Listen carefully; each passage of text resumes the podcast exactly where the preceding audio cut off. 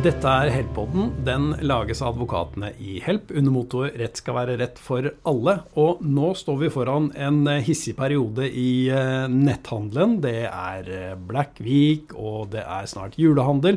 Og det gjør det naturlig at vi snakker litt om svindel på nett i uh, hovedsak, da.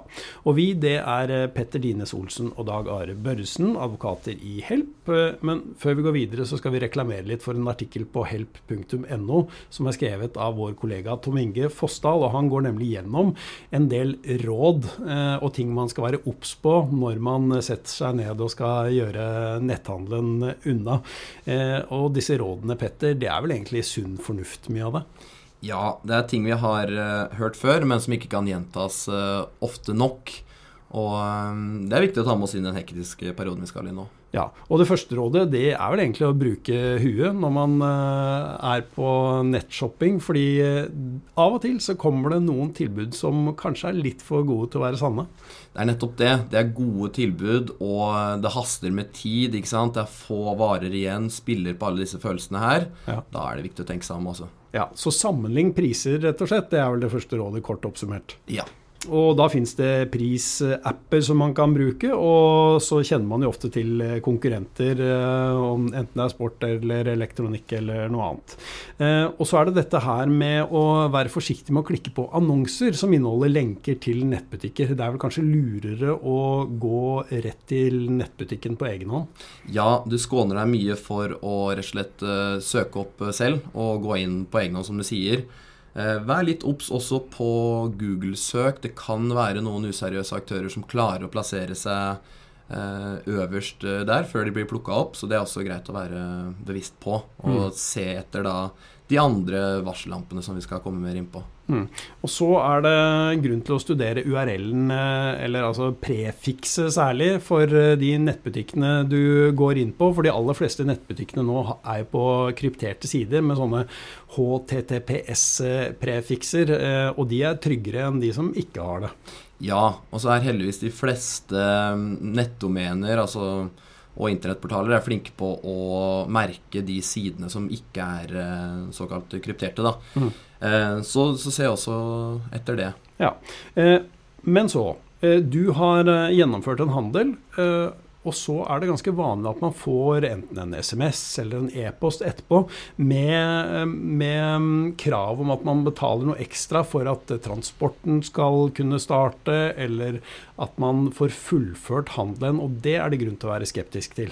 Ja, det er det. Og det er gjerne små beløper som eh, svindlerne tenker at eh, dette her kan de fleste avse. Og så her òg så haster det helt sikkert for å få betalt beløpet for å få sendt ut varen eller få den levert. Ja. Vær forsiktig. ja, for poenget der er vel at uh, det de oppgir at du skal betale, er et uh, lite beløp. Det er sånn 39 kroner eller 79 kroner eller så, men i det øyeblikk du oppgir betalingsinformasjonen din, så er de i stand til å trekke langt større beløp. Ja, du blir gjerne leda eh, videre inn på det som utgir seg for å være banken, og så godkjenner man typisk ved bruk av bank-ID. Mm. Så bak dette ikke sant, så gjemmer det seg noe helt, eh, helt annet som går mm. rett i lomma på, på svindlerne. Ja, og de utgir seg gjerne for å være anerkjente transportselskaper eller nettbutikker, men får du en sånn SMS eh, eller en e-post, så kontakt eh, nettstedet da vel, og spør om det faktisk er de som har uh, sendt ut dette. Ja. Eh, og så er det vel et godt råd å generelt være veldig forsiktig med hvor du oppgir betalingsinfo på generelt grunnlag. Det er alltid lurt, uh, det. Ja. Mm. Um, så kontakt nettbutikken hvor du har eh, handlet, og, og, sjekk om det er faktisk de som sender ut disse kravene. Og uh, er du i tvil om du er blitt lurt og har forsikring hos Help, så er du alltid velkommen til å ta kontakt med oss. Men uh, Petter Dines Olsen, du jobber jo vanligvis med en litt annen type svindelsaker som handler om svindel med bank-ID. Hva går det egentlig ut på? Det kan være mange forskjellige typer saker, men det er gjerne det man kaller sosial manipulasjon, hvor man blir eh, kontakta av noen som har en troverdig og utspekulert eh, måte å, å, få ut informasjon fra bank-ID fra deg på. Mm. Um, du har nylig skrevet en, eh, et eh, debattinnlegg i Dagens Næringsliv uh, hvor du um, bruker et eksempel. Hva uh, var det som kjennetegnet den svindelsaken som du snakker om der? Stillhet. Hvordan da? Ikke noe kontakt å få verken fra banken, politiet Her var det også tatt opp uh, lån i min klients navn. Og det får du ikke noe informasjon om før, du, før disse bankene etter hvert skal kreve inn disse lånene av deg. Mm. Da, mm. da, blir det helt annerledes. Ja, eh, Det kan vi komme tilbake til, men Maria som hun heter, eh, hvordan ble hun egentlig lurt? Maria ble oppringt fra noen som eh, sa at de hjalp folk med å undersøke muligheten for å finansiere kjøp av bolig. Eh, Maria hadde kommet som flyktning fra Syria og um, ble kontakta av en person som både kunne godt norsk, godt arabisk og hadde god eh, systemforståelse og skulle bistå med det her. da. Mm. Men så var det bare det at for at eh, hun skulle godkjenne han som rådgiver, om jeg har forstått det rett, så måtte hun oppgi bankideen sin? Ja, riktig. Så for å undersøke disse mulighetene her, så godkjente hun noen ganger ved bruk av BankID. Hvor mange ganger har vi ikke fått vite eksakt, for det er noen det er en stund siden det her, og banken har ikke selv hatt lyst til å oppgi informasjon om akkurat det. Uh, men det har i hvert fall muliggjort at det ble oppretta en annen bank i hennes navn, da, som, uh, som igjen muliggjorde mye annen Mm. svindel. Så uh, kan vi da tenke oss at denne rådgiveren som tok kontakt med henne på telefon, og fikk henne overbevist om at han var rett mann til å hjelpe henne, han sendte henne en form for lenke da, som fikk henne inn på en falsk side hvor hun oppga bankideen sin, er det sånn? Ikke akkurat i denne saken, men det, kan, det, det kunne ha skjedd. Og det ja. ser vi skjer også i andre saker. Mens her ble det faktisk oppgitt over telefon, da. Ja. Um, gå inn her. Ja, gå inn her, godkjenn det som dukker opp på telefonen din nå, slik at jeg har muligheten til å gjøre ja. ja kanskje han til og med sa at uh, du burde ikke klikke på lenker som noen sender til deg, så derfor oppgir, jeg det på telefon. Ja, man har noen veldig sånn betryggende metoder der, disse svindlerne. Ja, Men eh, hva var det konkret han gjorde? Han oppretta da en eller annen konto i en bank takket være hennes eh, bankidé, hvor han så fikk tatt opp ganske høye forbrukslån i hennes navn? Ja, og så mm, rett og slett fant opp masse informasjon om hun som han ga til disse forbruksbankene for å få tatt opp disse låna. ikke sant? Det er snakk om store lån, eh, mm. i hvert fall sett opp mot hennes økonomiske eh, evne. Mm. Og var kreativ, rett og slett. fremla lønnsslipper på at hun var lastebilsjåfør osv. Og, så videre, og tjente 400 000 i året. Men hun har ikke billappen. Nei. Eh, og mm, ja, Vi skal komme litt tilbake til eh, hva eh, banken kunne ha gjort annerledes. Men Eh, hvordan var det hun oppdaget at dette her eh, hadde skjedd, da? Nei, På et eller annet tidspunkt så får hun jo masse brev i posten, eh, hvor rett og slett bankene begynner å kreve inn disse pengene her. Og da sitter man der da med varsel om utleggsbegjæring og begreper som eh, de færreste av oss har kjennskap til før man står oppi det. Mm. Eh, og da går hun til politiet, antar jeg? Ja. Hva skjer da? Den blir henlagt eh, Jeg husker ikke nøyaktig hvor lang tid det tok her, men det var omtrent en uke etter så ble saken henlagt. Mm. Hun klagde vel antagelig til banken også? Det gjorde hun. Hun klagde umiddelbart til eh, banken og politiet. Banken sier at vi ser at det har blitt brukt bank i ditt navn, og mm. banken det er privat. Så vi må legge til grunn at det her var deg. Så det her er du selv ansvarlig for. Ja. Um, hvordan utviklet denne saken seg videre, da? Nei, altså her er det én ting er eh, Det er jo flere banker her, og disse bankene hvor låna var eh, tatt opp Det blir jo en, en, kamp mot hver av disse bankene her. Så vi har holdt på i snart to år. Eh, ett krav som gjenstår, dvs. Si at alle de andre har sletta kravet sitt. Men det er etter å ha fått advokathjelp, og jeg vil si jeg kanskje har brukt en 80-90 timer på den saken. Ja, eh, og fremdeles er det ett krav på var det 20 000 av over 300 000 som eh, står igjen. Ja. ja. Og det er, litt, eh, det er det minste kravet av alle disse kravene som står igjen. Så det er jo et det er jo ikke godt å si hvorfor denne banken ikke skal slette kravet sitt når de andre med større krav har gjort det. Nei, Men når du begynte å nøste i denne saken her, så Er det riktig forstått at du eh, fant ut at eh, lignende type svindler har ramma ganske mange flere? Ja, det stemmer. Det ble en, nesten en liten politietterforskning her med å forsøke å innhente bl.a. IP-adresser knytta til hvor disse låneavtalene var inngått fra, og hvor transaksjonene hadde gått, osv. Og, så og da så man at alt dette her hadde skjedd fra Tyrkia. På et tidspunkt hun ikke var i Tyrkia, for å si det sånn. Mm. Um, og det var en del annen konkret informasjon som var brukt inn mot disse bankene for å klare å ta opp lån, som jeg mente kunne i møte, altså undersøkes for å finne ut uh, om noen hadde tilknytning til det her. Mm. Så jeg klagde til politiet, og så ved en tilfeldighet så var det også noen andre i området med samme bakgrunn som også ble utsatt for lignende svindel. Så ved å se de sakene i sammenheng, så mente jeg at man kunne finne ut hvilken person det var. Mm. Um, Noen har rett og slett eh, spesialisert seg på å lure flyktninger da, som har kommet til Norge? Ja.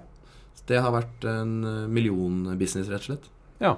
Um, politiet sier jo ofte at uh, de har ikke kapasitet til å etterforske, men uh, de kunne jo da ganske enkelt, uh, slik jeg forstår da, gjort den samme jobben som du gjorde, da, egentlig. Ja, og så tar jeg et forbehold her at uh, jeg er ikke politietterforsker, så de, um, jeg skal ikke si at det ville løst alt. Men det ville i hvert fall gjort uh, en del. Og i hvert fall når man ser at politiet har et uttalt politisk mål om å ta tak i saker sånn som det her, fordi det er et stort samfunnsproblem. Så jeg har forståelse for at det er mangel på ressurser, og, og, og politiet har mye å stri med. Men da må man rett og slett følge det man selv sier, altså. Ja, Så selv om det er på en måte politisk, eller uttalt fra politisk hold at disse sakene skal etterforskes, så skjer ikke det. Men i eh, dette eh, debattinnlegget ditt i Dagens Næringsliv, som altså heter, som du kan eh, søke opp hvis du vil, det heter 'Stilleleken i svindelsaker', eh, der er du jo også kritisk til bankene. Hva kunne de gjort annerledes da? Nei, altså Bankene er veldig greie å ha med å gjøre når uh, du selv ønsker å bruke deg av deres tjenester, sånn at de kan uh, rett og slett tjene penger. Altså Med en gang de må svare for seg for de pliktene de selv har etter finansavtaleloven, så er mitt inntrykk av at uh, det blir veldig stille. Og så har vi hatt en lovendring som har gjort at det har blitt bedre. Og mange av de, altså alle de sakene som lander på mitt bord, er jo de sakene hvor det ikke løser seg. Mm. Så heldigvis løser flere saker seg, men likevel Eh, bankene kunne vært mye mer eh, villige til å forsøke å klarlegge svindelen med en gang. For da mm, Det vil gjøre det så veldig mye enklere å mm. nøste opp i saken med en gang enn eh, når det har gått halvt år, ett år, ett og et halvt år. Ja, for det ulykksalige er at jeg som offer gjerne ikke merker noe som helst før jeg får betalingskrav eller enda verre inkassovarsler og den slags. Ja. Petter, du nevnte at uh, svindlerne blir stadig mer utspekulerte, og at de uh, bruker sosial manipulasjon. Nå er det vel egentlig mange av oss som tenker at hm, jeg skal nok ikke gå på en sånn svindel selv, men de bruker ganske utspekulerte metoder. Har du et eksempel? Har nylig en sak når man blir kontakta av eh, noen som utgir seg for å være fra Økokrim, og forklarer det at mellom politiavhørene av noen gjerningspersoner som har utsatt andre for svindel, så har typisk eh, navnet ditt dukka opp, Dagari, sier de. Ja. Og så sier de at nå uh, setter vi deg i kontakt med en etterforsker som skal hjelpe deg videre, og så vil du få videre oppfølging fra banken. Men det er veldig viktig nå at vi agerer raskt, og at du ikke er i kontakt med andre for at vi skal klare å forhindre økonomisk tap, og også i denne saken her, da, ta bakmennene bak svindelen. Ok, Og hva skjer så? Det som skjer så, at de er i kontakt med henne i Eh, tre-fire dager. Hyppige oppringninger. Eh, veldig hyggelige personer som snakker på kav østlandsdialekt, som hun forklarer det. Ja. Og eh, har rett og slett satt opp et, et team som skal ivareta henne. Hva er det de får henne til å gjøre, da? Det de får henne til å gjøre, er å overføre penger til eh, sikkerhetskontor som Økokrim har kontroll på.